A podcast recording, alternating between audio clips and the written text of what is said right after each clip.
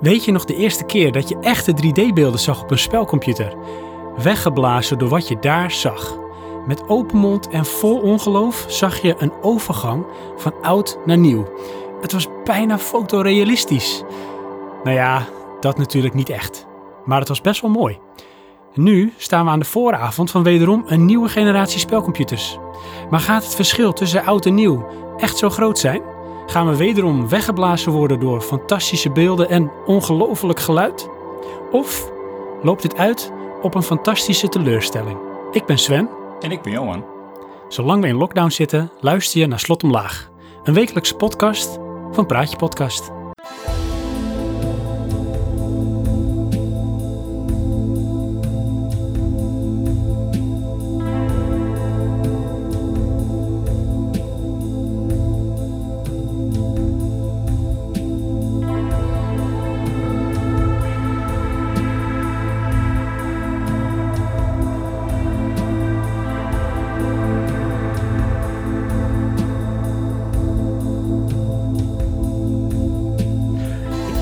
Neus, Johan.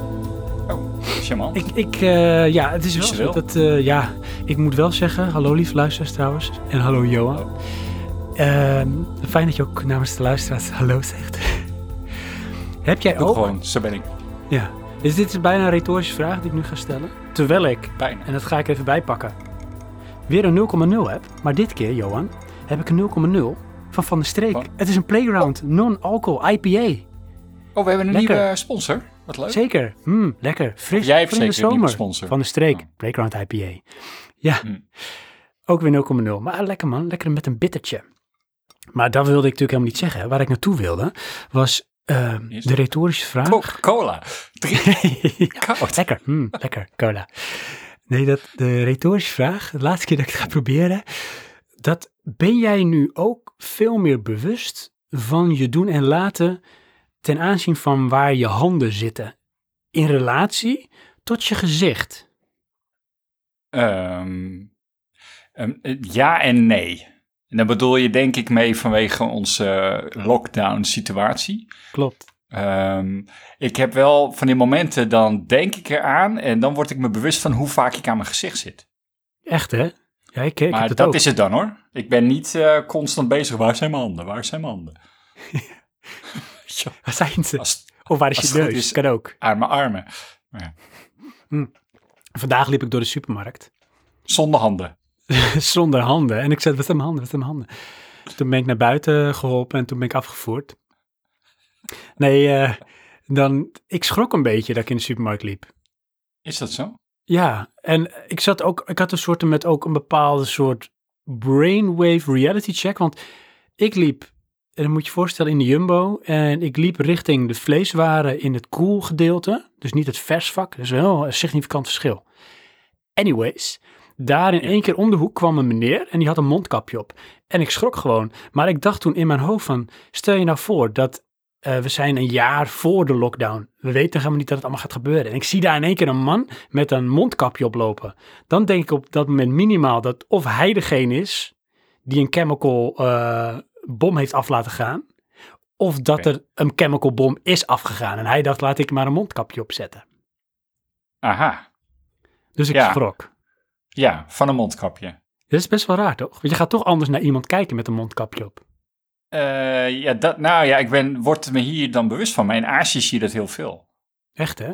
Dat is Ja, ook zo. ook voor eh, het eh, coronavirus. En in de metro en zo bij een heleboel mensen mondkapjes op. En is dat zeg maar vanwege de, ehm, de smok? Of was dat daar ook gewoon echt al vanwege van hou je bakcillen bij je? Ehm, ja, goed, ik kan niet veel Azië spreken, maar in mijn beeld is het in Thailand vooral vanwege de vervuiling. Oké. Want Ze hebben toen eh, zo'n vervuiling eh, mee- meter gehad en op een gegeven moment werd er medegedeeld van ja, eh, ergens dit kunnen we niet weergeven.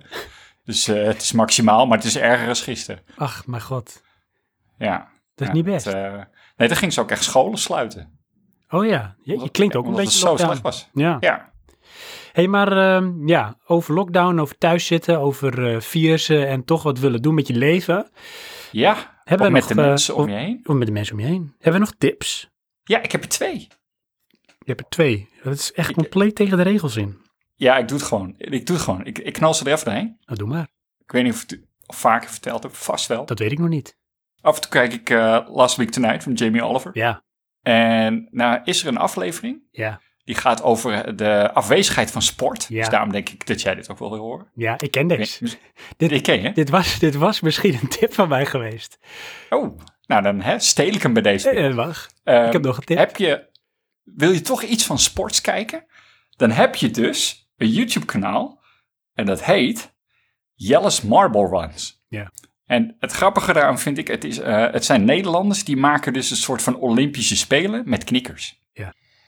En dit jaar, 2020, wordt dus gesponsord door eh, de, eh, wat is het nou, Last, Week Tonight Show. Ja, van Ja. John Oliver. Inderdaad, ik vond het geniaal. Ja, want het is, het is wel een grappig verhaal. Die, die, ehm, die twee jongens, zijn broers. En een van die twee jongens, dat is dus Jelle. En die is volgens mij 34. En Jelle is autistisch. Dus eh, vanaf zijn vierde is hij helemaal geobsedeerd door knikkers en knikkerbanen. En die is dat zijn hele leven ook blijven doen. En op een gegeven moment eh, kwam hij ergens ehm, te wonen op een eh, soort ja, zorginstelling. En dan kreeg je dus een hele zolder ter beschikking om van die knikkerbanen te kunnen maken. En op een goed moment is hij dat gaan filmen. En toen is er een keer een filmpje op volgens mij Dumpen terechtgekomen. En heeft hij ergens, het lijkt wel of het in Schorrel is, in de Schorrelse Duinen, heeft hij een heel parcours gemaakt door zand, heel ver naar beneden, met al die knikkers. En dan ging hij dat filmen. En een van de knikkers is dan uiteindelijk natuurlijk als eerste beneden. En wat gebeurde er? Er was dus een Amerikaanse ehm, autosportcommentator. En die vond dat zo'n grappig filmpje. Die is daar toen commentaar bij gaan geven als een grap. Alsof het een wedstrijd was.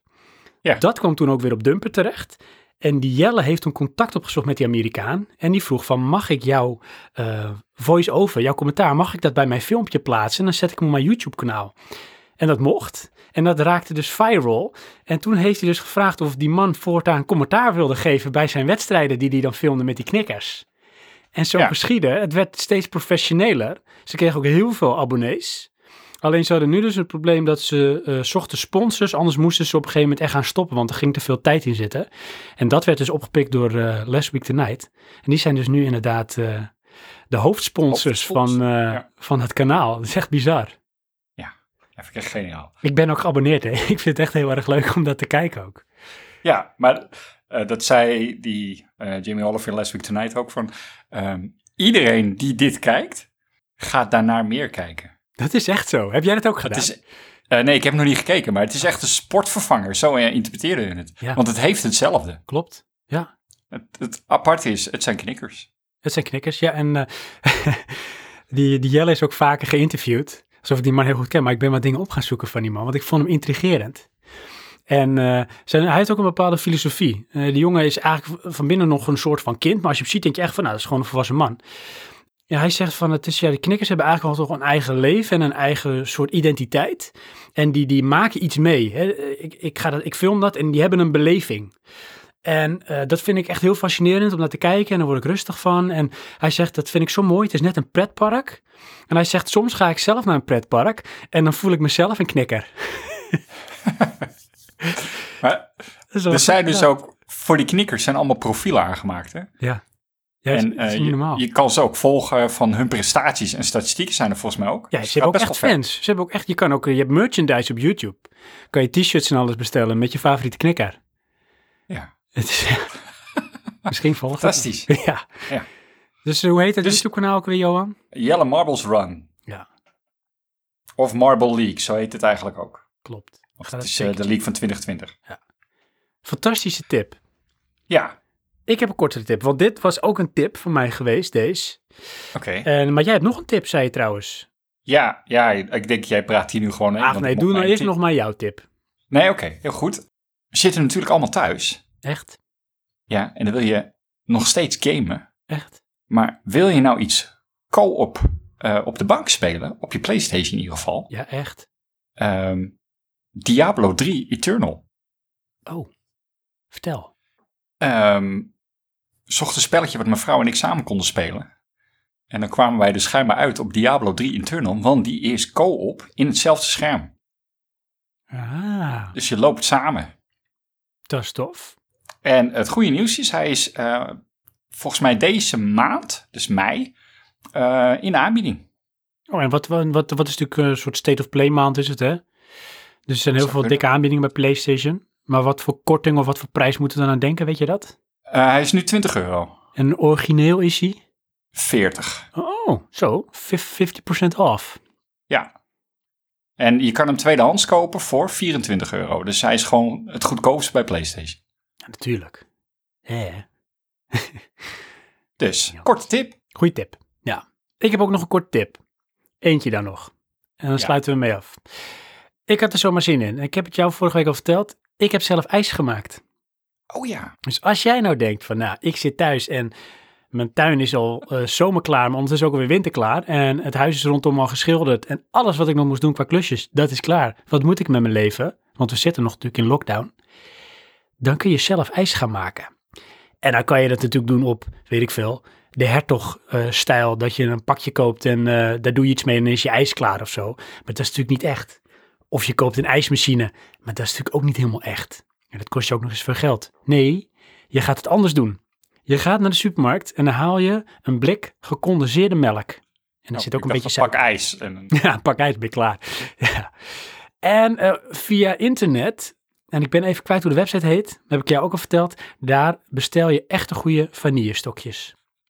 Ja, niet die Ja. rubbish, uitgedroogde shit Nee. die je kan halen hier in, eh, bij de Jumbo, maar die echte mooie vacuüm verpakte in van die reageerbuisjes met een merk die echt boterzacht is met van die mooie spikkeltjes. Ik weet het hoor, maar dat klinkt echt helemaal niet appealing. Nee, nou. Vacuüm verpakt reageerbuis vanille, weet je. Ja, is dat is dat? echt- Nou, dat is- Dat is, vanille, als je het laat drogen, het komt van een orchidee, hè? dat wist jij natuurlijk. En dat, Ehm. dat, dat droogt dan en wordt het zwart.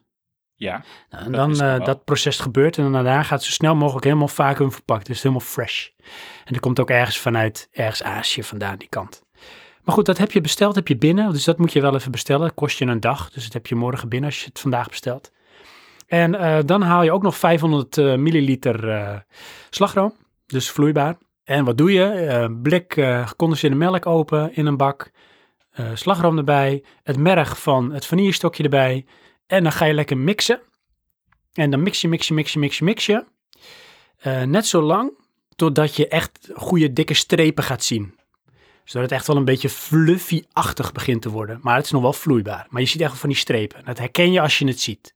En dan doe je het... dan eh, ehm, een yoghurt of een vla consistentie? nou, dan ga je toch wel een beetje richting een vlaakconsistentie. Oké, Ja. Dus een beetje yoghurt, nou ja, ja, meer naar de vlaakkant dan de yoghurtkant hoor, moet ik zeggen. oké. Dan doe je het in een bak en dan doe je het voor minimaal 10 uur in de vriezer. En dan heb je heerlijk, ja, roomijs. En mijn gezin, die is echt eh, impressed. Ja. Ja. Maar dat is dus mijn tip, Johan.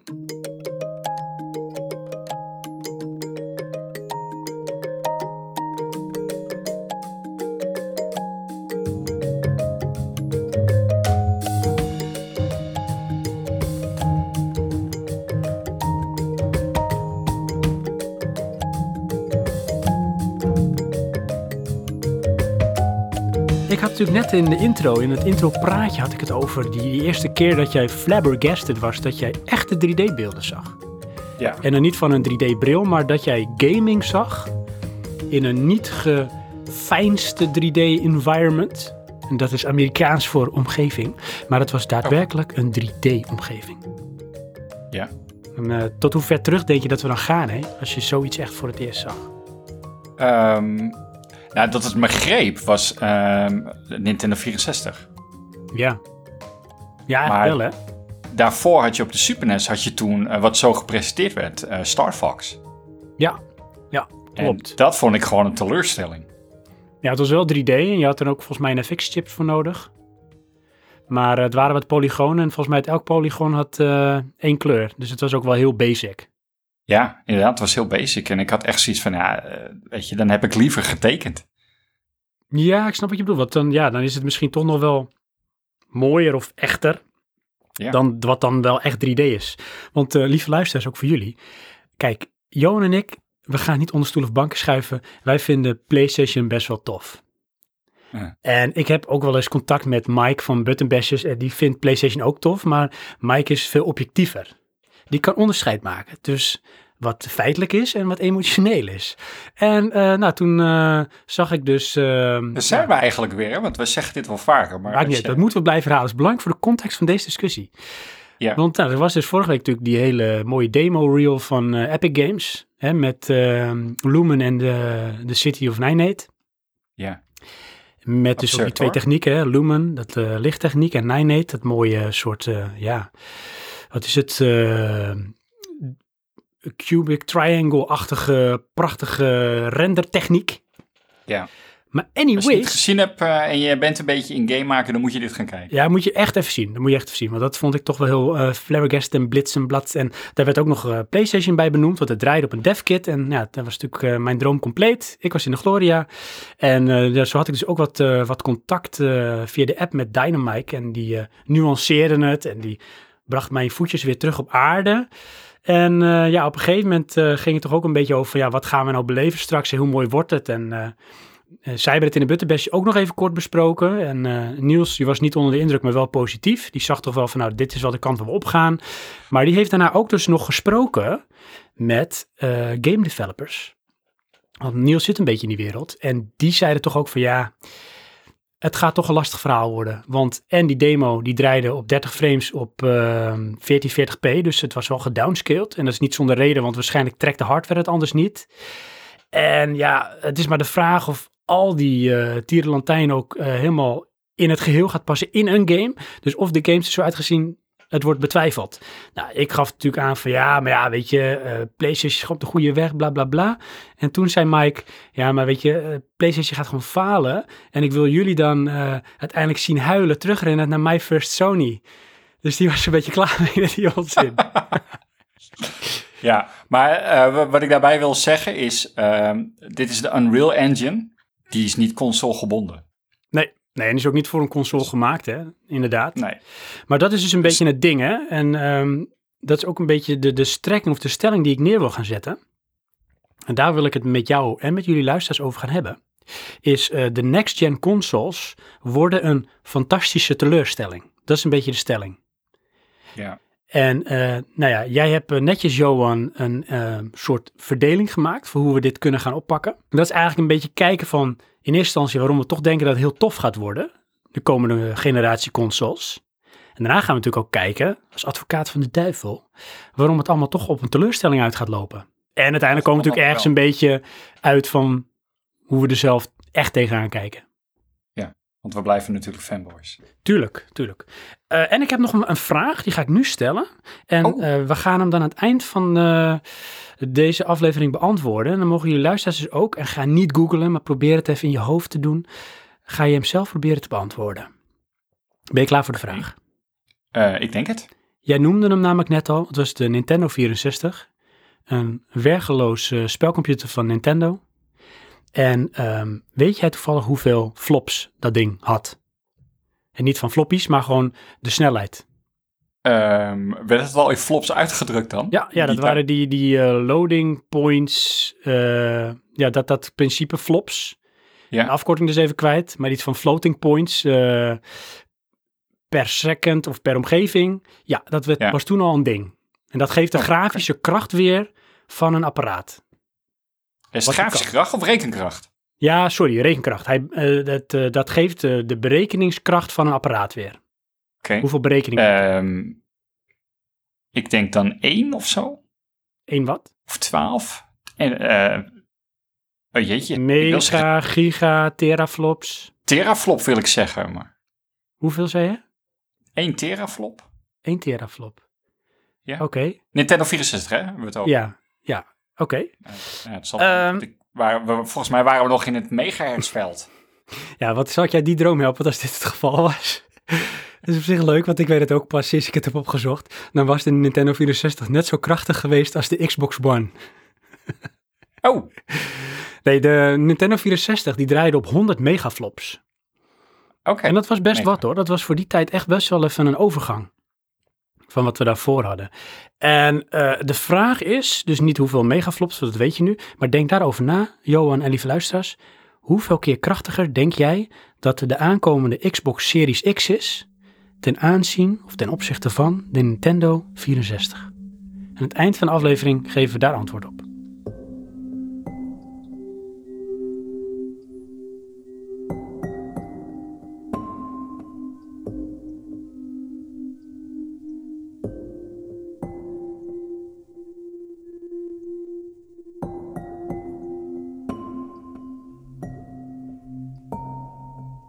Daar wou ik dus ook nog even kort doorheen, joh. Want voordat we echt de toffe en teleurstellende dingen benoemen, hè. Ja. Jij noemde net de Nintendo 64. Dat was een beetje, misschien eh, wat je zegt, de echte kennismaking met 3D.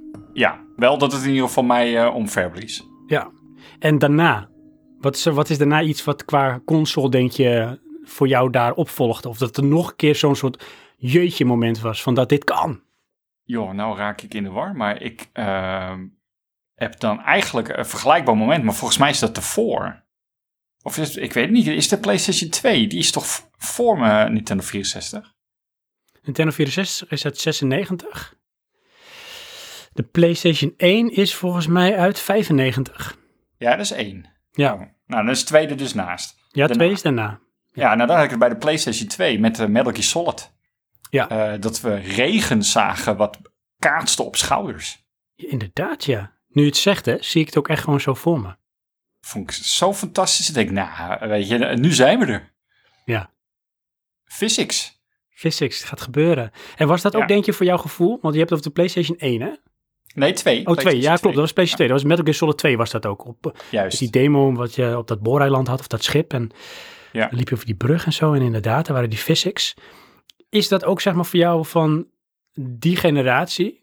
Dat was, zeg maar, de vernieuwing. Dat zat hem bijvoorbeeld in de physics. Of was het ook gewoon grafisch zoveel mooier dan bijvoorbeeld de PlayStation 1 of eh, de Nintendo 64? Eh, dat laatste, dat was grafisch zoveel mooier. Ja, in, in dit geval zag je toch echt, eh, ze konden meer gaan laten zien dan nodig was voor het verhaal. Ja, en dat werd het ook. Hè? Het werd daardoor veel completer. Ja. Kijk, daarvoor was het van, oké, we hebben een hoofdrolspeler. Nou, we kunnen, laten we zeggen, zes polygonen kwijt en de rest moet je er maar bij verzinnen. Ja. En eh, nu hadden we ineens iemand met een gezicht en ogen. Precies, ja. Ja, is echt zo. Ja, want ja, voorheen, je had bijvoorbeeld een vast scherm, dat was de game.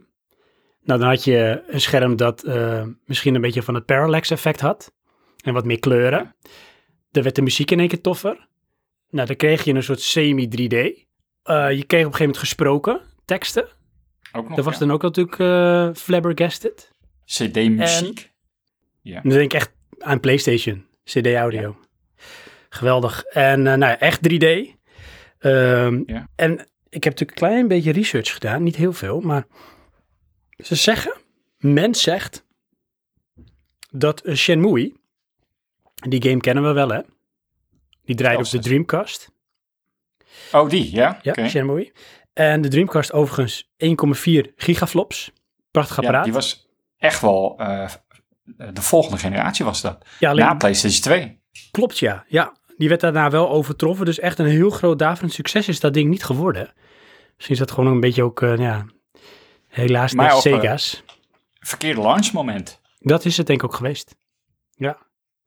Maar de, de, de game Shenmue, ze zeggen uit 1999 dat die aan de basis heeft gestaan van wat ze noemen een beetje real-to-life environments.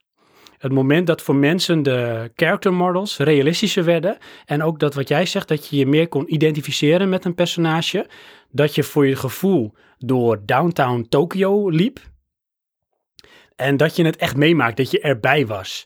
En ze zeggen dat daarmee vanaf die generaties en met die game, dat het een soort startschot is geweest voor eh gamegenres die tot heden den dagen nog bestaan.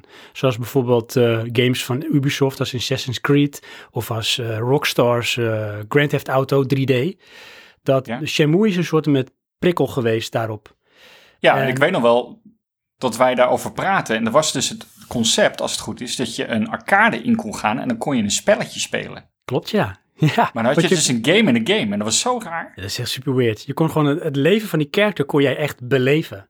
En je moest werken en je kon geld verdienen en je kon dus inderdaad naar de arcade. En dan zag je dus door de ontwikkeling van ehm, de rekenkracht en eh, de grafische kracht van die apparaten, werden werelden en games veel realistischer. Kwam veel, veel meer diepgang kwam daarin. Ja, realistischer en uitgebreider. En uitgebreider, zeker. Eigenlijk kwam er toch ook steeds meer content die niet relevant was voor de game. Ja, en precies. Veel meer meta als aanvulling rondom een concept. Absoluut. En daarvan, eh, ja, een aantal dingen blijven in de basis dan hetzelfde. Weet ik wel, een shooter is op een gegeven moment een shooter. En een eh, strategy game is een strategy game. En een avonturengame is een avonturengame. Maar je kan daardoor de, de, de kracht die je hebt met het apparaat en de mogelijkheden die de developers daarmee eh, kunnen gebruiken, ja, krijg je veel meer rondom die game. Nog een klein dingetje. De wet van Moore Ja. is iets wat toch wel op zijn end zit, wordt Ja. gezegd. Want eh, kun jij de wet van Moore toevallig uitleggen aan onze luisteraars?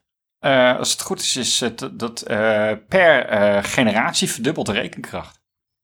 Ja, ja, precies. Zoiets is het, hè? Elk zoveel jaar dan verdubbelt de rekenkracht. En daarvan zeggen Ja. ze eigenlijk gewoon het aantal, weet ik veel, transistors dat op een vierkante millimeter bij wijze van spreken past op zo'n chip. Dat eh, werd steeds meer. Maar daar is een bepaald punt, dan kan het niet kleiner. En dan is die, die, die verdubbeling is er dan niet meer. Dan zit je op een soort kantelpunt. Ja, dat, is, dat heeft als het goed is te maken met dat je, je, je schakeling wordt zo klein dat je de lading niet snel genoeg over dat oppervlak kan verdelen. En dan krijg je dus eh, foute ladingen of foute eh, schakelingen, wat dus niet meer beheersbaar wordt. Dus kunnen ze niet meer verder in dat proces. En dan is het gewoon, ja, dan is het klaar. Ja, dan eh, zit je, weet ik veel, op een soort, eh, dan ga je richting quantumcomputers of zo als je weer verder wil.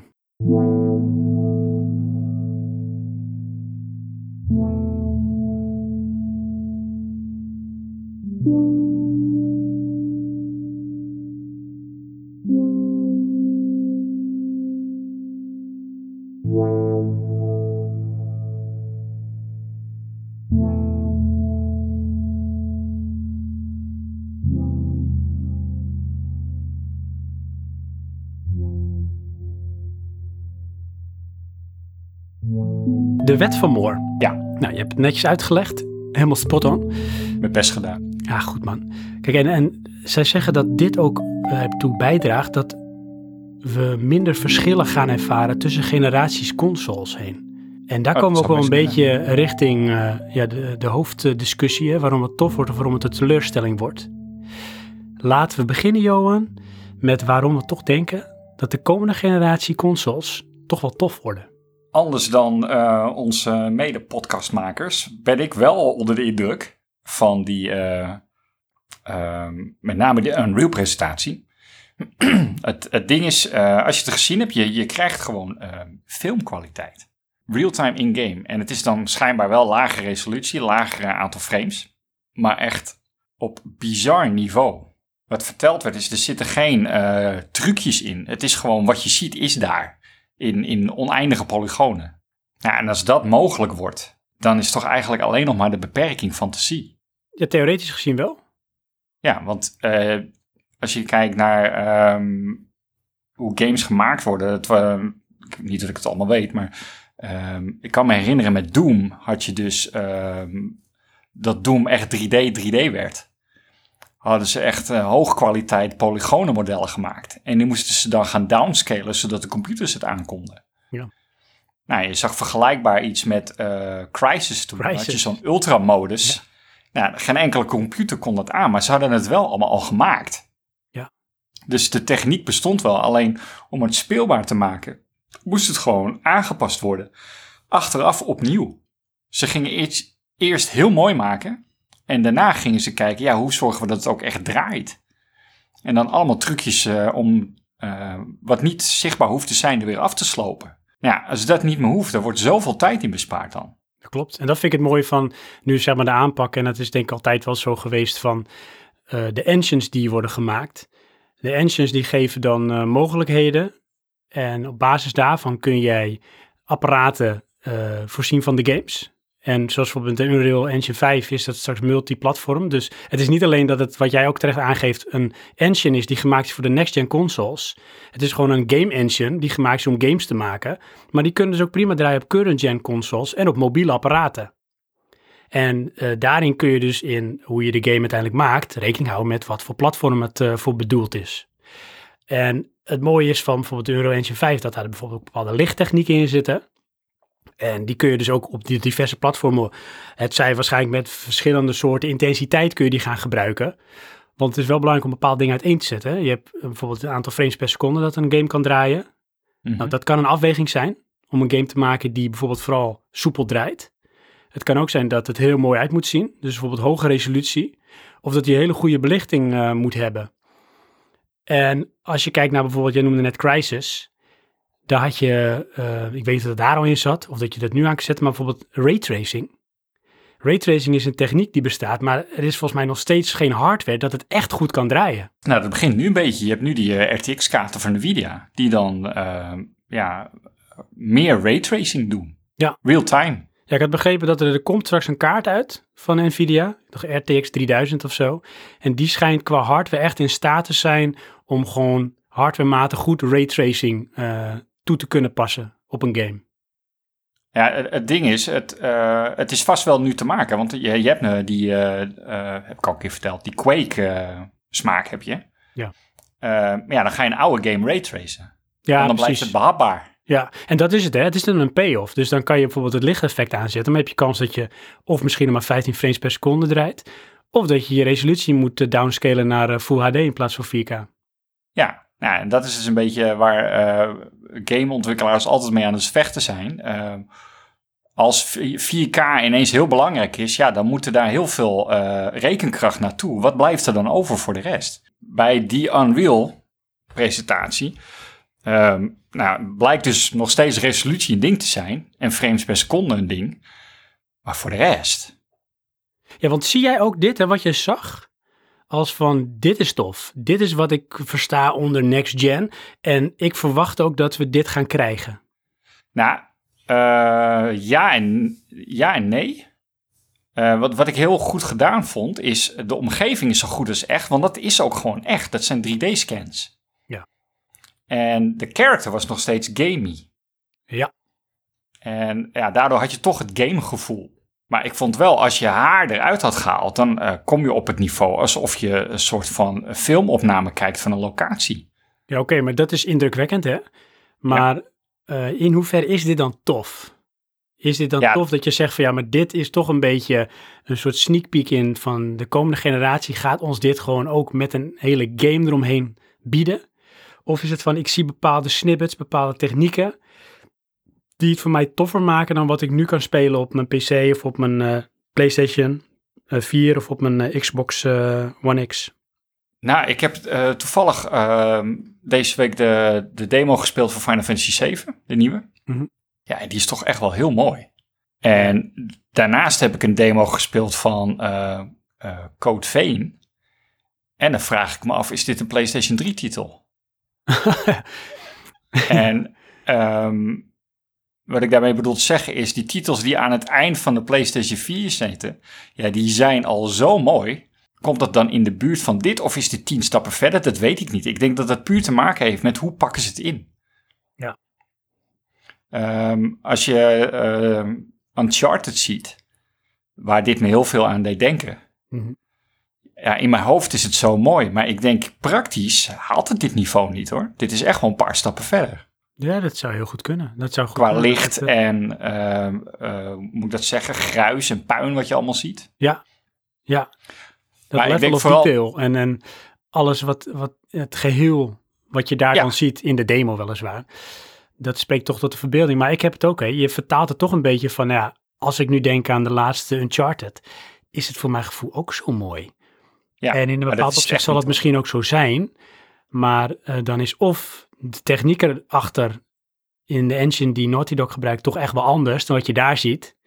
En het zal waarschijnlijk niet zo mooi zijn als wat je daar ziet. Nee, nou, het, het ding is, en de- dat vind ik altijd een beetje, eh, dat is, wordt een valkuil, is dit wordt heel makkelijk gemaakt voor de game developers, maar wij hebben er misschien niet zoveel aan.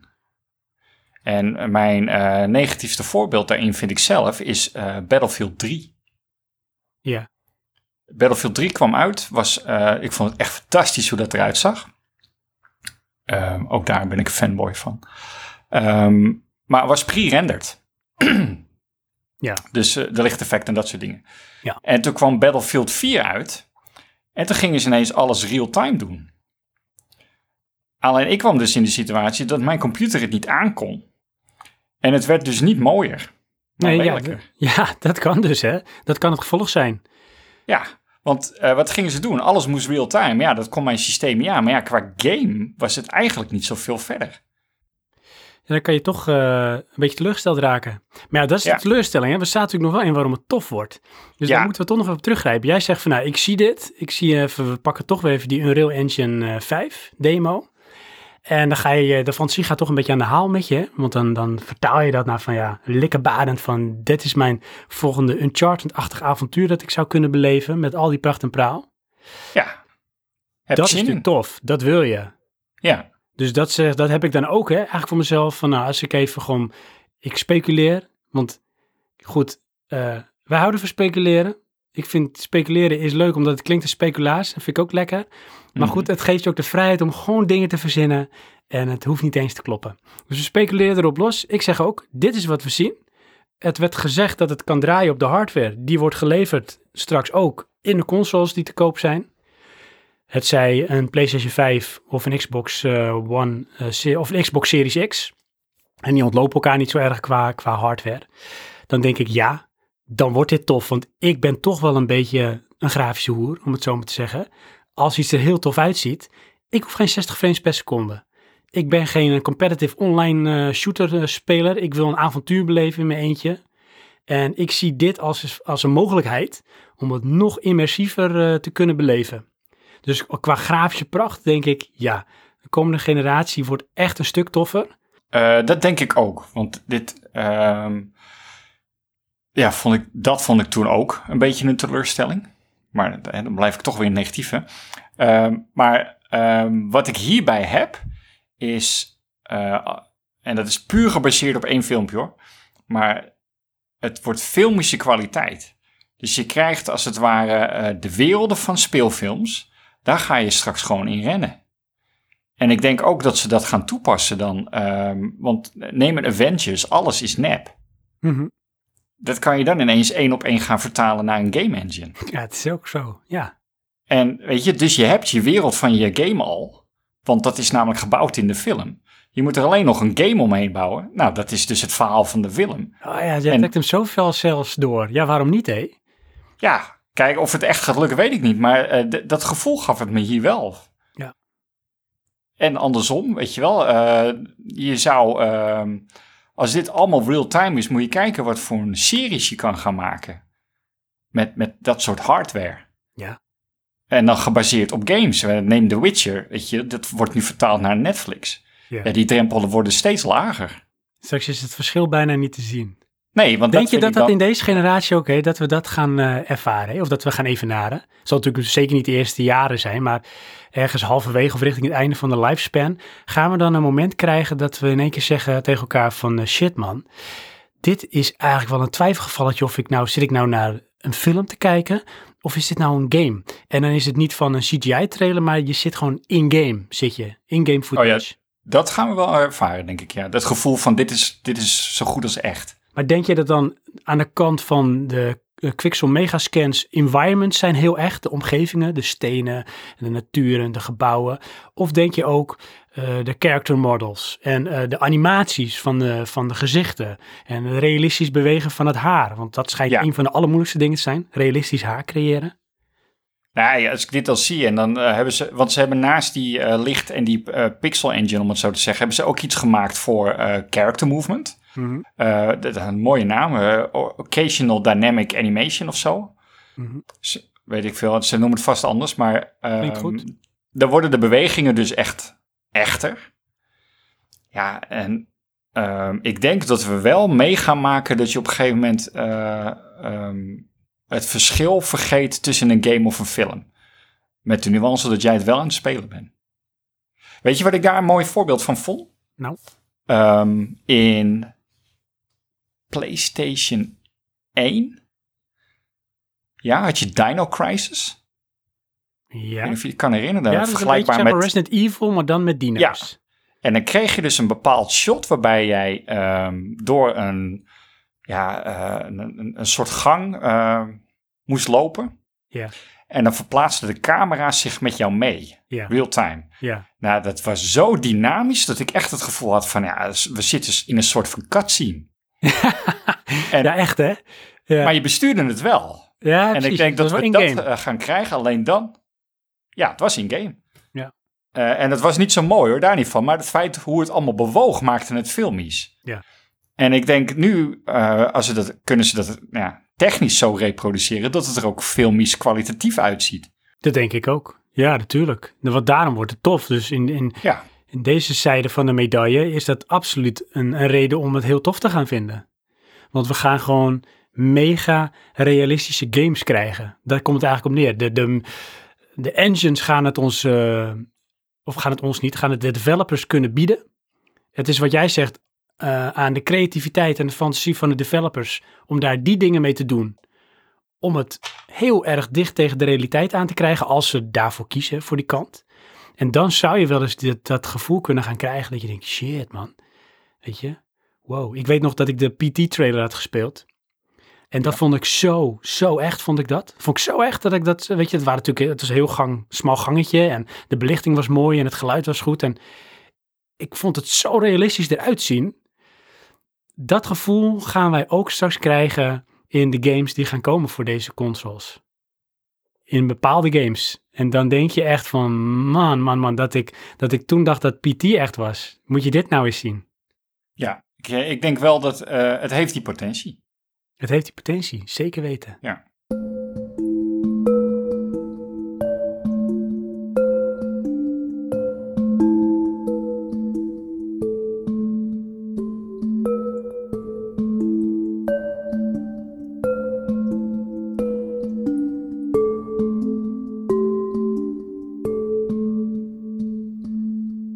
Andere reden dat het tof is, zijn er nog meer redenen waarvan we zeggen, ja, next-gen consoles, jongen, dat is helemaal de shit.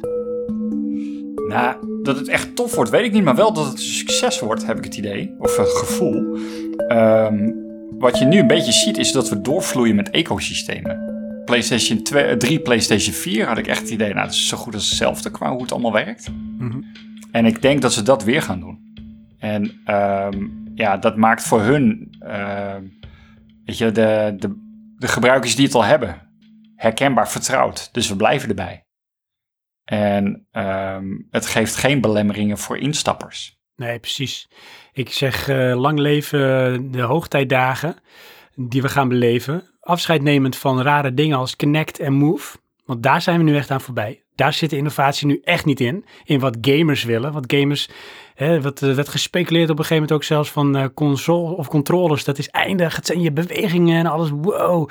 Echt niet. We willen gewoon lekker zo'n zo'n controller in ons handen. En we kunnen, willen kunnen gamen. En eh, ik denk dat we, zeg maar, dat hobbeltje hebben nu gehad en prima. Ik vind ergens VR ook nog zo'n voorbeeld. Het blijft een niche die wel blijft gaan, maar het gaat nooit domineren.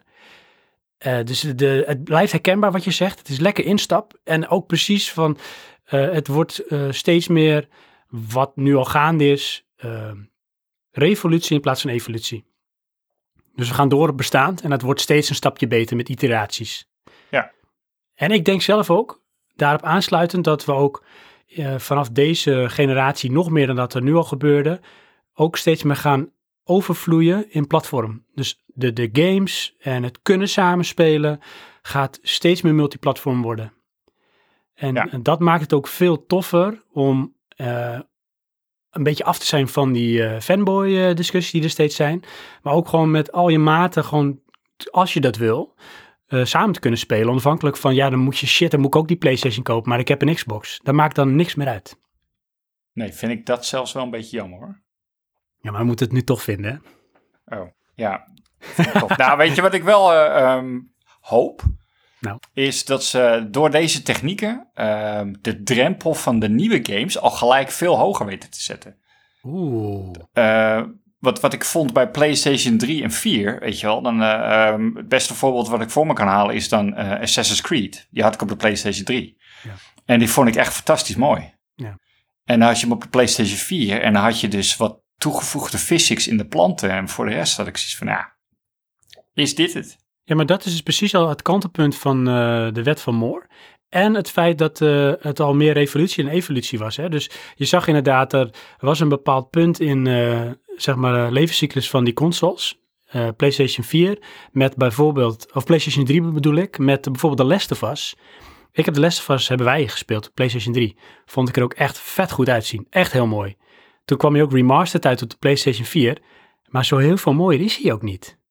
Nee. Dat zit hem in een upgrade uh, als je het kan uh, draaien in uh, hoge resolutie. Het zal misschien iets beter draaien qua frames per seconde. En misschien een paar physics die wat beter zijn of zo, maar that's it. Dus het verschil is niet zo groot dan. Nee, inderdaad. Ja, dat, dat hoop ik dat we dat nu wel overslaan hoor. Oké, okay, dus daarin verwacht je toch wel uh, een, ja, ik hoop dat. Want ik vond echt, uh, ik, ben, ik heb heel lang gewacht met het kopen van de PlayStation 4. Omdat je not impressed was van uh, drie kan het nog goed voor mij? Ja. En uh, ja, ik moet toch bij, ja, is ook natuurlijk omdat we ouder worden. Hm. bij die andere generaties had ik echt zoiets van, nou, ik sta te popelen, ik wil hem nu gelijk kopen. Ja. Ja, en dat is, ja, dat is toch wel, maar goed, we moeten wel positief blijven. Ja. Dat, dat, dat, ja, dat neemt gewoon, door de jaren heen is dat gewoon afgenomen. Ja. En met name ook ja, die, dat verschil tussen die kracht tussen die apparaten per generatie, dat nam gewoon echt af. Ja. Qua gevoel dan, hè? Ja. Want ik denk dat daar ook nog een ander verhaal in zit hoor. En dat is dan wat nu wel geadresseerd wordt. Dat is, uh, de games worden zo groot. Uh, producenten kunnen ze niet zo snel meer maken. Ja, want dat is het ook, hè. Je kan het allemaal wel willen. Maar goed, nee, ik wil niet negatief worden. Stop. Goed zo. Ik ga nog iets, iets zeggen waarom het tof is. Weet je waarom het tof wordt? Nou. In deze wereld, in deze fantastische toffe wereld, zijn we af van laadtijden. Ze hebben het gezegd en ze gaan het ook gewoon realiseren. Ja. We hebben geen laadtijden meer. Halleluja. Nee. Ik heb het al verteld toen in een eerdere uitzending met jou. Het is een Netflix-beleving. Je zet het aan en je kan gewoon meteen van start. Dat is grappig, want ik heb, vandaag heb ik uh, dus die Diablo, mijn tip, gedownload. En dan moest ik een kwartier wachten op downloaden. En dan was ik echt helemaal in mijn nopjes. Oh, dat vond je leuk ook gewoon, die anticipatie. Ja, jij, bent nog, jij, jij, bent nog oldschool. Omdat het ook gewoon, weet je wel... Uh, ik had het even naast zitten rekenen. Het duurde een kwartier. Ik heb uh, nieuw internet. Met mijn oudere internet duurde het gewoon anderhalf uur. Oh, maar dat is, dat is natuurlijk wel helemaal een upgrade dan. Ja, maar je bent nog steeds ja. aan het wachten. Hè? Wat heb je het kwartier Inderdaad. gedaan in je leven? Want een kwartier tegenwoordig, joh, dan kun je een boek schrijven, hè? Ja, ik heb twee boeken geschreven. Ja, zie je. nee. Waiting, part 1 en part 2. Inderdaad, ja. Oh, je kent ze al. Ja, ik, ik heb ze al gelezen. Want ze zijn ook uitgebracht. Zo snel gaat het. Ja, techniek staat voor niks. Ja. Maar daar zijn we vanaf, Johan. Dat is niet ja. meer. Tof, hè? Nee, het wordt alleen maar mooi. Het wordt alleen maar mooi. En, en nog, en we gaan alleen in die only way is up. Baby. Um, we hebben straks ook gewoon de mogelijkheid om te kunnen gamen zonder dat je een fysiek exemplaar moet hebben en zonder dat je hem hoeft te downloaden. Het is straks echt, en ook met laadtijden ben je natuurlijk al tot bijna nul, maar we gaan het gewoon lekker streamen. En ook dat wordt een hit, dat wordt een succes. Ja? Ja. Ja, dat wordt geweldig. Ja. Ja. We gaan het zien. Zei ik sarcastisch. ja, ja. Precies. Ja. ja. Geen frame drops en dat soort shit. Nee, het wordt echt tof.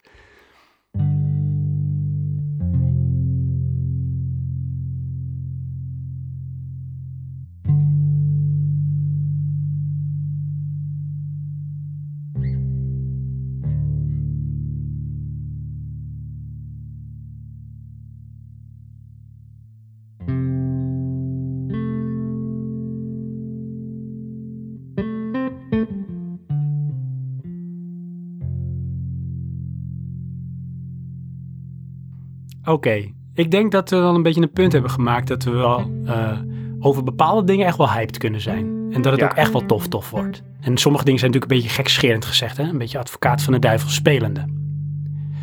Maar we moeten ook realistisch worden, Johan, want alles wat tof is, heeft ook een keerzijde. Je kan een bankrekening hebben met heel veel geld en heb je duizend en één plannen, maar als je ze allemaal gaat realiseren, heb je duizend zoveel keer geld nodig. Ja. Je kan het maar één keer uitgeven. Mm -hmm. Maar jij hebt daar wel wat op gevonden, hè? Is geldboom? Onze nieuwe sponsors. Ik weet niet meer hoe dat bier heet wat je vandaag dronk. Oh ja, tof. Mm, lekker. Van de streek. Playground. Non-alcohol IPA. Fris. Met een bittertje. Lekker. Mm. Vreselijk. Maar goed. ja.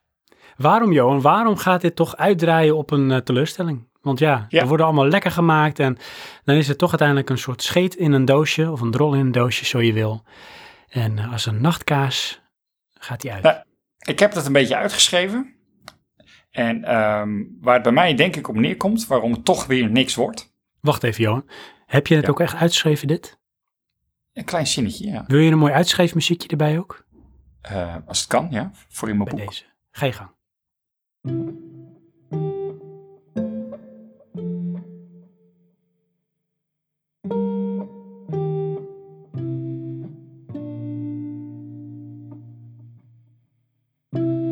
Technische evolutie betekent niet dat dit gebruikt wordt.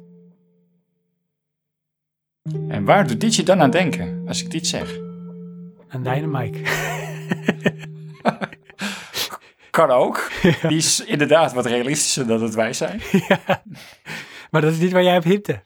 Nee, weet je waar dit me aan doet denken? Nou. Nintendo. Oh ja, nee, ja, zeker hè. Dan sla je toch de spijker op zijn kop. En eh, als bijeffect daarvan een move. Weet je, er, er wordt iets verzonnen met hardware wat echt revolutionair lijkt. Er worden allemaal technische demo's gemaakt van, nou, dit is ongelooflijk. We krijgen straks filmische games. Het ziet er fantastisch uit. En vervolgens pakt geen enkele maker dat op. En we maken eh, FIFA 2060. Ja. Ja, dat gaat ook natuurlijk gebeuren. Die, die kant ga je sowieso op. En niet voor alles, maar er is een kant die die kant op gaat. Een Ja. deel. Maar En dat zou ook wel eens door kunnen slaan, de verkeerde kant op natuurlijk. Die schaal. Nou, de vraag is natuurlijk van, eh, weten die gamemakers dit ook echt te gebruiken, dat dat allemaal mogelijk wordt? Of is dit weer voor die ene niche die heel dicht bij het Sony-team zit, of het Xbox-team, eh, die wel die hardware goed weten aan te praten? Nee, zeker. Kijk, je, je hebt natuurlijk eh, verschillende kampen. En eh, dan is de vraag of, eh, of eh, iedereen met zijn eigen engines dat kunnen gaan realiseren. En we hebben nu dit gezien, maar stel je voor, nogmaals wat al eerder is aangehaald, dat misschien maar 5% van alle developers besluit om met Unreal Engine 5 iets te gaan doen. Ja, dan is Ja. het leuk. Dan krijg je misschien in die hele levenscyclus twee of drie games max die er misschien een beetje, als het al allemaal haalbaar is, er zo uit gaan zien. Ja. En de rest, eh, die kabbelt gewoon door eh, zoals we dat al de afgelopen tien generaties doen, bij wijze van spreken. Ja, en dan heb je Ehm. dat effect van een televisie die je dan eh, wil kopen, weet je wel. En dan zeg je, ja, maar mijn televisie thuis is toch ook wel tof. En als je dan thuis zit, zie je het verschil ook gewoon totaal niet. En dan moet je helemaal naar de winkel. En als je dat naast elkaar legt, dan zegt de verkoper, maar zie je niet dat het zwart is veel zwarter. En dat het, het beweegt veel vloeiender. En dan denk je, ja, wel een beetje. Maar als ik nu even twee seconden naar die televisie kijk, is dat effect toch ook wel weer weg hoor. Ja. Dus ja, Ja. zo Ja, baanbrekend gaat het niet worden. Nee, en ik zie dan de, de teleurstelling voor me, wat ik net als pluspunt zei, maar dat zeg ik dan nu als negatief punt. Mhm. Ehm, dat ik mijn PlayStation 5 aanzet en ik denk, wat? Dit zijn exact dezelfde interface als PlayStation 4. Oh ja. maar dat kan ik je natuurlijk nu al meegeven. Hè? En Ja. die lijkt op zijn beurt weer heel erg op de PlayStation 3. Ja, Daarin is natuurlijk Sony zo behoudend als het maar kan. maar weet je nog hoe magisch het was dat je je PlayStation 2 aanzette en je kreeg ineens lichtbolletjes in plaats van het PlayStation logo? Ja, bizar. Ja, Daar, daar, je wilde alleen al daar de hele dag naar kijken. ja, daar heb ik ook menig uur naar zitten staren volgens mij. Dat het zo lekker danst en dat je denkt van, hé, hoe zouden ze dit aansturen? Ja, echt hè. Hoe zou ze het aansturen? Tof. Toen dachten ze nou toch even iets meer doen met een, eh, eh, zeg maar de interface. En daar hebben ze toen ook gewoon bij gelaten. Ja, maar die interface die bestond ook al. Want volgens mij, ik heb die ergens op gezien. Volgens mij is dat eh, een Advanced PlayStation 2 die nog later in Azië uitgekomen is. Ik weet het niet meer zeker. Oh, het zou me niks verbazen. Maar Dat- daar ja. heb ik al die interface een keer gezien. Ja, dus dan is de teleurstelling ligt op de loer, Johan, dat wij willen wel die, eigenlijk de evolutie. En dan is het, als in het beste geval wordt het de revolutie. Maar dan moeten we zelf heel bewust op zoek gaan naar de verschillen. En dat vind ik echt verschrikkelijk hoor. Daar word ik depressief van als ik daar te lang over nadenk. Ja. Dat ik moet gaan kijken, gaan zoeken naar van... eh, dit is denk ik dan de reden dat dit toch wel toffer is. Maar ik zit eigenlijk gewoon nog precies eenzelfde soort adventure te spelen. Of eenzelfde soort shooter. Waar is nou het verschil? Ja, weet je wat dat me dan aan doet denken? En Daar ben ik dan weer ook bang voor. Neem PlayStation VR. Er zijn volgens mij 270 PlayStation VR titels. Nou, als we daar vier verschillende smaken in hebben, dan is het veel. Ja, Het zijn allemaal shooters. ja dat klopt, ja. En eh, ja, kijk naar eh, de huidige eh, gamewereld.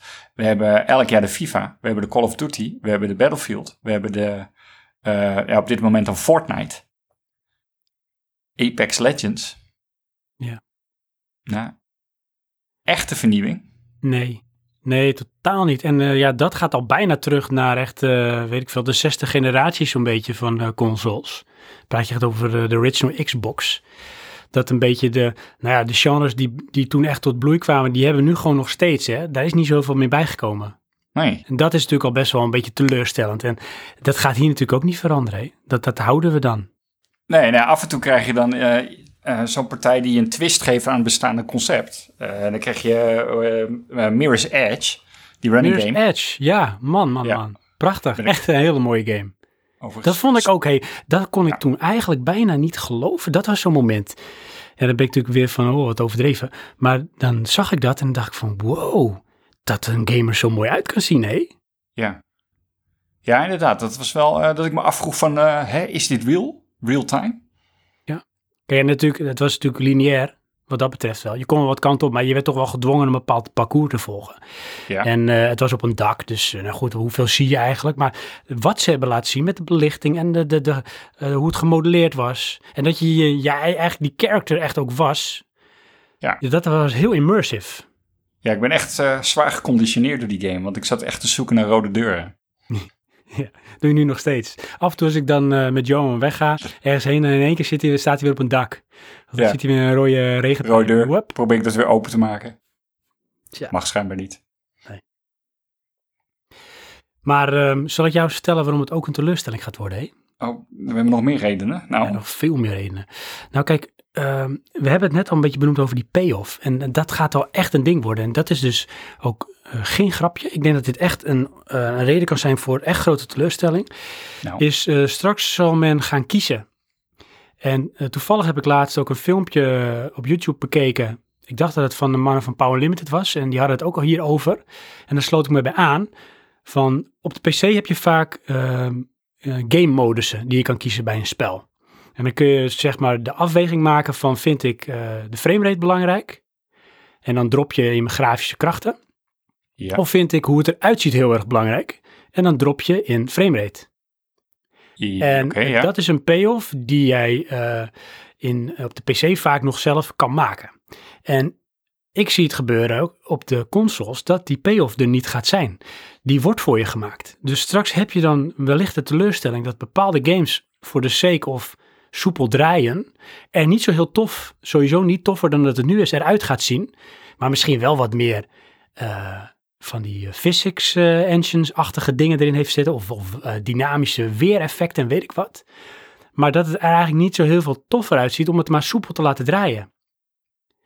En andersom ook. Dan heb je een game die wel echt heel gaaf is.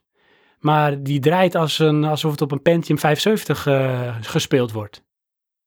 Nou, dat denk ik, ik denk dat die niet zou gebeuren. Oh, die zie jij niet gebeuren. Nee. Dus jij kijk, zegt, want we kijken, dit is natuurlijk nu al de discussie, hè. Er is heel hard gebruld door Xbox dat hun games draaien allemaal 60 frames per seconde. Maar daar zijn ze dus nu al op teruggekomen. Sterker nog, er werden ook dingen ge- getoond. En het waren dan, was nog niet eens gameplay bij Xbox, maar dat draaide dus gewoon op 30 frames per seconde. Het Ja, enige wat dan wel het verschil was, was die demo van Dirt, die draaide op 120 frames per seconde. Ja, Maar het is dus geen, het is dus geen eh, voldrongen feit dat alle games straks gewoon lekker op 60 frames per seconde gaan draaien. Wat eigenlijk nu al een PC-standaard is. Nee, oké, maar ik verwacht niet dat zij eh, games gaan eh, vertragen om het mooier eruit te laten zien. Ja, ik denk het wel. Wel naar die 30 frames misschien dan, maar het is Ik niet denk- dat je ineens 15 frames krijgt. Nee, nee, dat niet. Maar ik denk dus, kijk, en z- zodra je het verschil ziet, want dit is natuurlijk ook een verschil, net als dat voorbeeld bij een televisie kopen. Je moet het gaan zien om het eh, te zien. Maar als je nu nog in deze tijd games wil gaan spelen op 30 frames, terwijl 60 eigenlijk al gewoon een beetje de standaard is, en het moet al misschien richting eh, 90 of 120 frames, dan kan je daar toch eigenlijk niet meer mee wegkomen. Dat is toch toch gewoon een teleurstelling. Dat je nu nog, nu nog een discussie hebt over dat het maar op 30 frames draait. En dan hoop je dat het ook steady 30 frames is. Ja, maar dat gaat ze gewoon niet lukken, want ze, zitten dan naar 4K, weet je wel. Dat is, dat is de heiligmaker. Dat, dat moet geen discussie meer zijn. Nee, maar dan moet je dus, want kijk, hoe je het went of keert, die demo van Unreal Engine 5 was tof. Maar ik moet ze ook wel gelijk geven, de critici.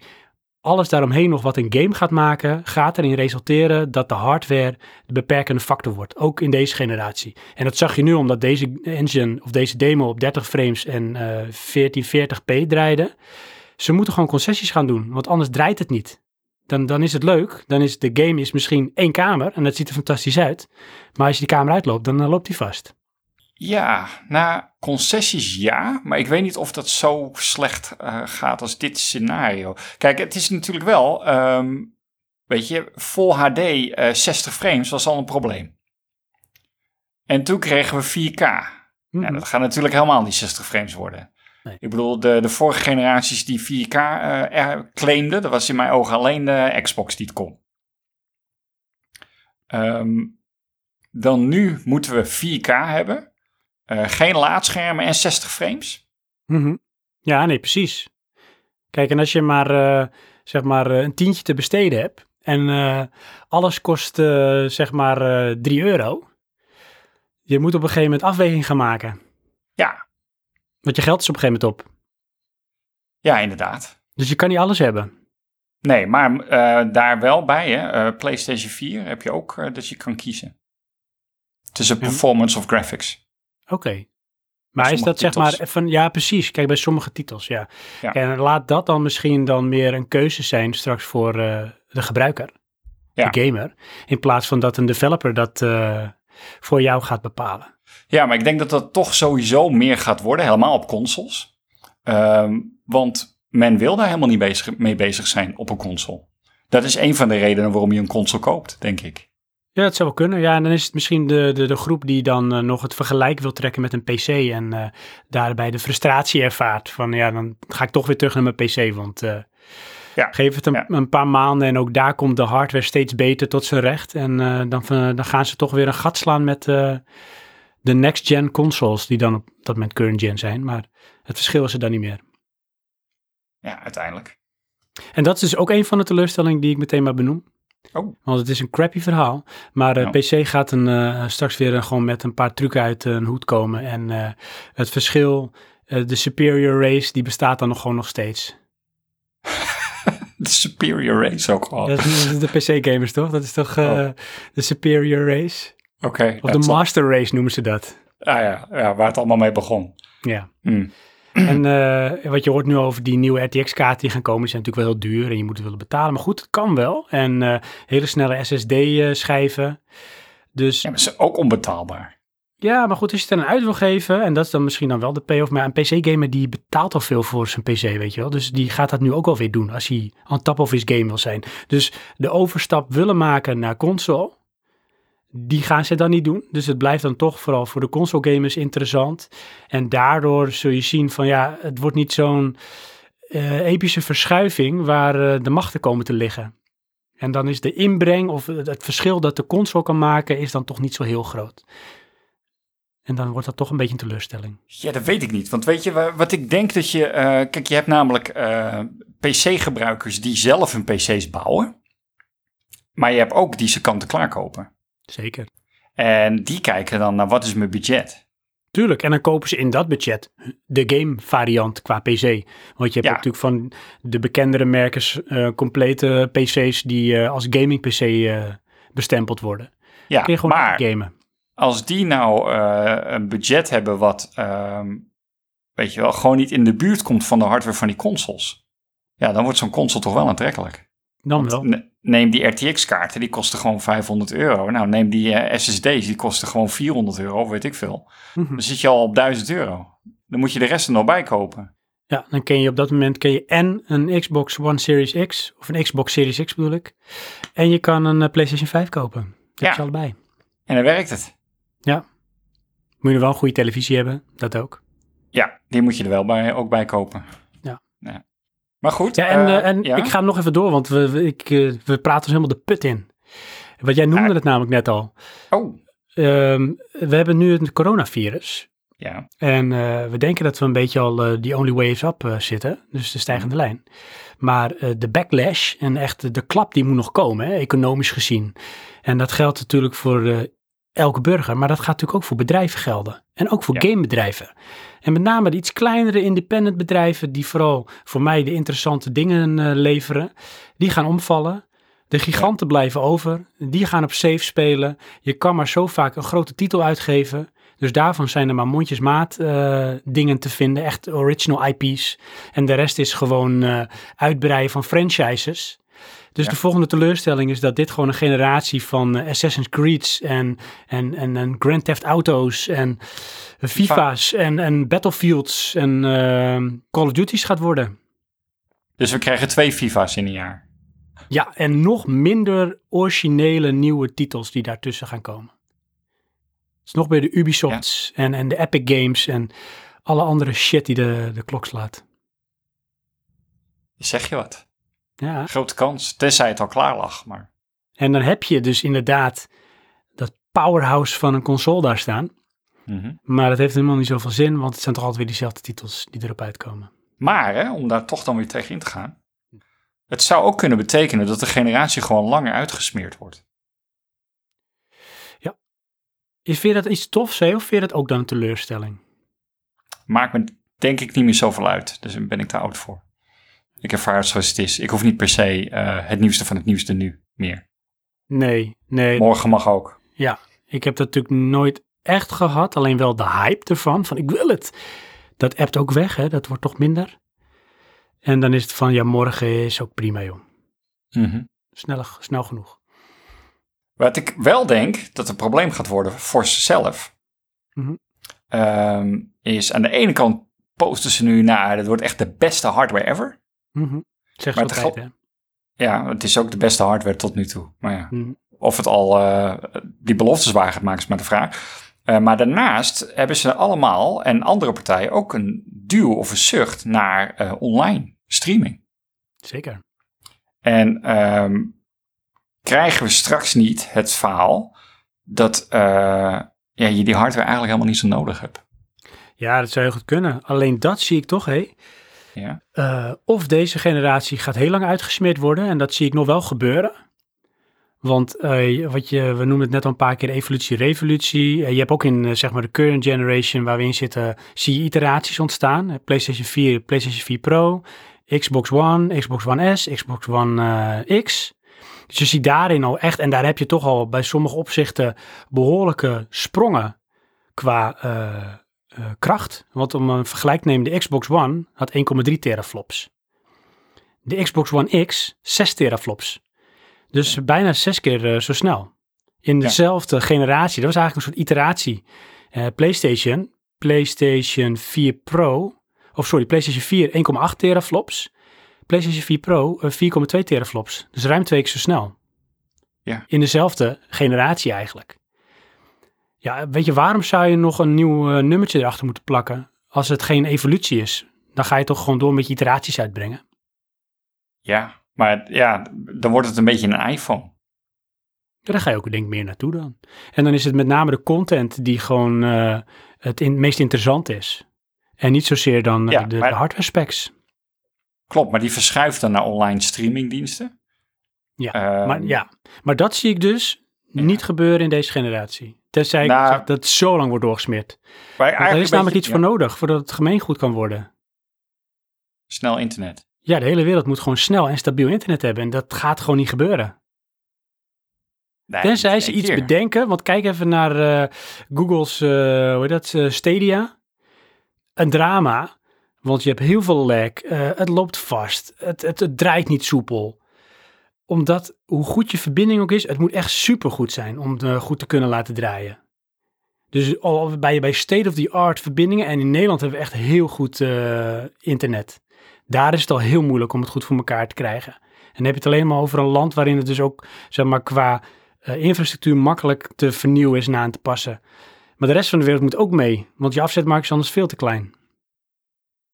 En ik Ja. zie dat gewoon niet gebeuren. Eh, nee, ik zie dat ook niet gebeuren. Ehm, maar wat ik eigenlijk wilde zeggen. is, weet je wel, je krijgt nu allemaal van die bibliotheken online, gratis verbruik en allemaal oudere titels. Ehm, worden we straks niet een beetje verzadigd met het aanbod? Zeker, ja hoor. Ja, dat is Weet een je beetje? Netflix-effect. Dat gaan we krijgen. En dan in combinatie met eh, jouw verhaal van, ja, eh, die echte nieuwe titels die gaan er niet komen, want we hebben de coronavirus. Mhm. Ja, dan wordt het dus echt een beetje het Netflix, weet je wel. Van, ja, jeetje, moet ik maar niet een HBO erbij nemen of zo? Ja, Of, eh, hoe heet die andere? Amazon. ja en, en, maar, en dan, dan neem je dat, om maar in zeg maar, die beeldspraak te blijven, om toch nog een keer los te kunnen gaan kijken. Terwijl het een hele oude serie is. Ja, precies. Maar eigenlijk wil jij gewoon, weet ik veel, een nieuwe Game of Thrones gaan ervaren. Een echt een nieuwe toffe serie. Maar die gaat Maar dat- niet gemaakt worden. Nee, en dan komt het allerergste. Dan vind je Lost gewoon weer leuk. en dan denk je, weet je wat? Ik koop die volgende generatie gewoon niet. Dan denk je sterker nog, dit kan ik zelfs op mijn eh, PlayStation 3 kan ik dit doen. Ja. Dus ik verpats hem weer. Ach, dat ze ook nog kunnen, hè? dat het helemaal als een kaarthuis in elkaar zakt. Want dat is erg. Stel je nou voor dat het zo, zo spaak loopt, hè? dat het komt niet van de grond. Er komt te weinig nieuwe content, bedrijven vallen om. Mensen raken teleurgesteld en denken, nou, weet je, of ik koop het gewoon nog niet, of ik heb het, ja, ik ga het gewoon weer verkopen, of ik gebruik het gewoon niet. En eh, het of hele feestje stopt. kopen zou ook nog kunnen, weet je. Als allemaal bedrijven omvallen en iedereen verliest zijn baan. Ja, ja, dat zou eens de nieuwe realiteit kunnen zijn. Ja. Jezus, deze aflevering heeft een hele foute wending. dat Zo. zou zo kunnen, hè? Ja. En dan eh, in plaats van dat ze ze dan niet snel genoeg kunnen maken, kunnen ze ze gewoon niet snel genoeg slijten. ja. Oh man, weet je, ik zie bordspellen worden gewoon weer hip. Ja. Dat wordt het gewoon. Zonder sound effects, van hout en papier gemaakt en dat is het. Ja.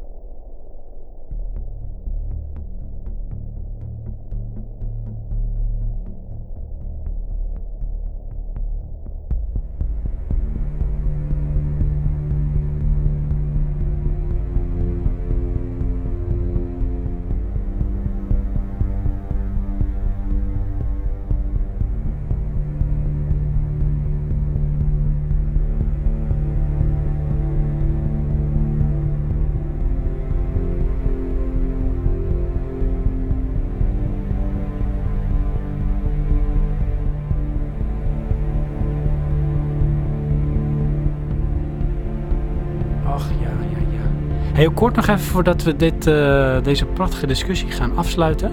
Ja. Hoe zie jij het, eh, dit allemaal even in ogenschouw nemen, Johan? Hoe zie jij het voor jezelf daadwerkelijk? Waar denk jij echt daadwerkelijk, eh, zonder in excess te praten, waar het naartoe gaat? Tenzij het echt een excess is. Nou, ik, eh, kijk, ik heb die PlayStation presentatie gezien en de Xbox heb ik van gezien. Dus qua techniek ben ik heel enthousiast. Want voor mijn gevoel gaan ze toch echt wel iets anders doen. Eh, nou, en neem daar zo'n Unreal Engine bij, dat ik denk van, nou, sky's the limit. Het enige wat het nu wordt, is de fantasie van de producenten. Want, weet je, komen ze met een FIFA? Ja, sorry. Eh, neem die, eh, wat was het, Dirt, die je bij Xbox zag. Ja. Daar had ik echt zoiets, waarom zou je in godesnaam hiervoor een nieuwe console kopen? Ja, Wat is er nou ja. anders aan deze race game dan in de vorige? Maar misschien is het iets dat wij niet zien, als niet racepuristen te zijn. Nee, precies. Hoewel het Maar niet eens een hardcore eh, racer is. Maar eh, ja, inderdaad, eens. Snap je? Want het is, ehm, ik bedoel, nie- mensen die dat leuk vinden, moeten dat vooral kopen. Dat bedoel ik niet mee. Nou, het, is, het, het is, ja, eigenlijk stiekem wel, maar goed. Ehm, het is niet nieuw, snap je? Het is niet nieuw. Nee, dat is Nee. niet nieuw. Maar weet jij, hey, maar dat vind ik toch ook wel een beetje een dooddoener dit hoor. Want Ja. noem jij even iets dat dan echt nieuw is. Nou, wat ik bedoel Call of Duty? is... Nee, ook niet. Mijn punt is, weet je, eh, ehm, je kan nu, ehm, ehm, laten we zeggen, de indie games die nog iets nieuws neerzetten qua verhaal, dat kan je nu visueel zo groots maken, dat het echt weer eh, een impact heeft. Ik zie echt, nu zie ik, weet je wat ik nu voor me zie? Nou, Dreams. zie Want je? wij geven je de engine en jouw creativiteit is de enige beperking. Ja, de ja, kaders van de engine. Dat wordt het ook gewoon. Of dat is het al. Maar dat hebben we nu toch ook? Ja, bedoel, dat hebben we ook. dat, dat, maar- heet, indie, dat heet toch indie? En die, die zoeken toch daarin, zeg maar, met name de creatieve invalshoek.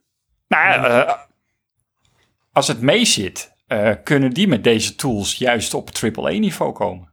Oké, dus ja, oh, op die manier. Dus met name dat met alle toetsen en bellen die de engine je zou kunnen bieden, kun je dat, dat, dat eh, eigen, kun je nog meer spectaculair eigen maken. Ja. Ja, wat ik toch een beetje, maar goed, het is, uh, ik ben niet zo van de indie games hoor, maar uh, mijn stereotyp beeld van indie games is, ze, ze zoeken een bepaalde niche gimmick. En uh, dat werken ze dan mooi uit. Maar vaak in een abstracte vorm. Ja, dat want, is wel, meestal wel zo, ja. ja. Want je kan natuurlijk, laten we zeggen, een uurtje moddelen aan je main character of drie jaar. Maar als jij die drie jaar in tijd in je uppie moet doen, ja, dan wordt het onwerkbaar. Ja. En uh, ja, met nieuwe technieken, stel, uh, weet je, je, je kleedt jezelf aan, je scant jezelf 3D en dat is het. Als dat er heel tof uitziet, dan ben je er. Ja, dan verzin je nog een mini-verhaaltje erom. Omheen ja. bedoel ik. Dat werkt veel. Je zit ergens op een, in een gebouw, zit jij vast. En dat gebouw bestaat maar uit vier kamers. En daar speelt het hele verhaal zich af. Kun je ook nog allemaal ja. scannen? Ja, en we zitten gewoon Silent Hill eigenlijk gewoon een beetje weer opnieuw te pitchen. Ja, natuurlijk. Blijven fanboys. Dat is tof, ja. Ja, oké, okay, ja, dus dat is wel een kans. Dat is ja. wel een mogelijkheid. Ja, en ik hoop het. Ja. ja dus ik, ik ben, denk, ja? Ja, nee, ja. Sorry. Gemiddeld genomen ben ik wel positief hoor. Ja, ik ben wel positief. En um, ik denk wel dat ik ben een klein beetje van mijn roze wolk afgestapt. Want ik was eerst aan het dromen dat ik uh, de verhalen van uh, Mark Cerny en de beloftes van Phil Spencer en uh, de beelden van Epic's Unreal Engine 5 beleefde. En dat verhaaltje bij elkaar in een mix in een blender gaf echt de lekkerste smoothie ooit. Mm -hmm. Maar nu even in retrospective en met wat andere gesprekken en wat, wat info bekeken en opgezocht, denk ik van het gaat er ergens een beetje natuurlijk in het midden zitten ik denk wel dat games steeds meer uh, richting wat we zagen van de Unreal Engine 5 kwaliteit gaan. Niet heel snel, maar het gaat wel gebeuren. Dat gaan we deze generatie die eraan komt, gaan we dat zeker meemaken. Maar ik denk ook nog steeds dat daarin dus de payoff moet worden gemaakt. En uh, heb ik een paar keer aangehaald, maar toch van uh, ga ik voor dat het er heel tof uit moet zien of moet het soepel gaan draaien. Want hoe goed die hardware ook is en hoe, hoeveel mogelijkheden het daardoor ook biedt, zit daar toch ook wel een grens aan. En die grens is gewoon hard. Dan kun je misschien alleen met wat fijnste kun je daaromheen doen. Maar dan is, dan is dat het, hoe mooi het wordt. En dat zal dan wel toch wel mooier zijn dan het nu is. Maar ik denk nog steeds niet van, wow, oh my god, dit is fotorealistisch. Ik kijk gewoon naar een film, maar toch bestuur ik het. Ik denk nog steeds niet dat we dat gaan bereiken, als we dat ooit al gaan bereiken. Want feitelijk wat je nu ziet en wat we nu al zien, is eigenlijk ook al best wel heel erg goed, toch? Ja, is het ook. Maar ja, we, we gaan toch weer naar de volgende stap. Maar het wordt niet een slap in de face als, zoals vandaag zag ik dan een filmpje nog van uh, Gran Turismo 1. En die hadden ze dan uiteindelijk nog even kunnen upscalen naar 4K 60 frames. Maar het blijft Gran Turismo 1 toen ik Ja. het toen speelde, vond ik het gaaf. En ik weet nog dat daarna bijvoorbeeld de volgende generatie kwam. En dan ging je nog eens terug naar Gran Turismo en denk je dat ik überhaupt zag dat dat een auto was. Ja. Maar dat verschil zie ik nu niet gebeuren. Het is de finesse dan. Mijn auto Ja. heeft straks meer toeters en bellen van binnen. En dat is wel heel tof of zo. Ja, nee, ik hoop En er is, altijd, en er is meer weer buiten dat invloed heeft. Inderdaad, meer physics, dat soort dingen krijg je. Weet je, van ehm, eh, dag- en nacht-effecten, dat werd op een gegeven moment een ding. Nou, wa- wat je misschien gaat krijgen is eh, meer eh, dingen als eh, de ruimte waar je in bent loopt vol met water. Vuur wat zich gaat verplaatsen. Ehm, weet je, dat ze dat nog actiever kunnen gaan gebruiken. Dat zou Maar- tof zijn. Veel is er al. Maar goed, samenvattend, ja, samenvattend denk ik dus... ehm, wordt het Nou, laten een- we allebei onze. Laten we, gaan we hem in de mix doen. Dat we zeggen, hier komen we denk ik wel op uit. Nou, hoe heet die stelling ook alweer? Een fantastische Nou ja, teleurstelling? Ja, dus de, de next-gen consoles, dat wordt een, eh, een fantastische teleurstelling, wordt dat. Ja. Maar denk je dat het een teleurstelling wordt of wordt het fantastisch? Jeetje, Johan. Ik kan Ja. dus niet één van twee zeggen. Het, het gaat niet fantastisch worden. Nee? Nee, het is niet de heilige graal. Nee, ik, eh, ik heb wel de hoop van de Heilige Graal. Ondanks dat het zo ook in de uitzending is. Dit is de next-gen. Dus de volgende generatie Ja. die hier loopt. Die zijn Ja, echt dat fantastisch. dat is wel fantastisch. Maar eh, nee, ik, ik denk dus ja, het, het, gaat, het gaat mooi worden. Eh, ik denk sommige dingen gaan toch op een teleurstelling uitlopen omdat je er meer van verwacht. Andere dingen gaan je heel eh, mooi verbazen, waardoor het fantastisch is. Ja. Maar het gaat er toch een beetje tussenin zitten, Johan. Ik denk Ja. uiteindelijk een minder grote verschuiving dan dat de hardware ons moet doen geloven. Ja, ik, ik eh, vrees dat dat de realiteit is, maar tot die tijd hoop ik. Hoop doet leven. Maar, wat je nog niet beantwoord hebt, Oh, sorry. Ja. eh, Ja. hoeveel Gazika-flops eh, heeft nou die nieuwe console? Ja hoeveel ja. keer Ik heb, ik heb het al gezegd, dus eh, ik heb in ieder geval de, de, de megaflops en teraflops benoemd. En ehm, als je zelf de berekening heel snel had kunnen doen, dan kon je zien hoeveel keer krachtiger die was. We hadden het over de Nintendo 64 en de Xbox Series X. Dus dat is de, de aankomende generatie Xbox. Hoe groot is het verschil qua kracht tussen die twee apparaten? Het is echt niet normaal hoe groot dat is. Ik denk 200 keer. 200 keer. Ja, Echt waar? weet ik het. Weet je, het zijn getallen, grote getallen, iets met heel veel nullen. Zit je? 100.000 keer. Serieus? 100.000 Ja. keer sneller. 100.000 keer. 100.000 keer krachtiger. Dus je kan 100.000 keer Nintendo 64 games tegelijk draaien met één Xbox game. Nou, ik denk als je daar dat eh, ehm, quick resume. Ja. Kun je je hele catalogus van Nintendo 64 inladen in een emulator. En je klikt en je speelt en je klikt en je speelt en je klikt en je speelt. Totdat je ze allemaal hebt gehad. Ja, dat is dan al taak. ja. Dus dat. Hadden jullie dat ook goed, luisteraars? Tuurlijk, die zijn veel slimmer dan ons. En uiteraard, eh, of uiteraard, we zijn ook wel benieuwd. En dan sluiten we af. Hoe staan jullie eigenlijk in de wedstrijd? Zeggen jullie, het wordt fantastisch, het wordt een teleurstelling of ergens daartussenin?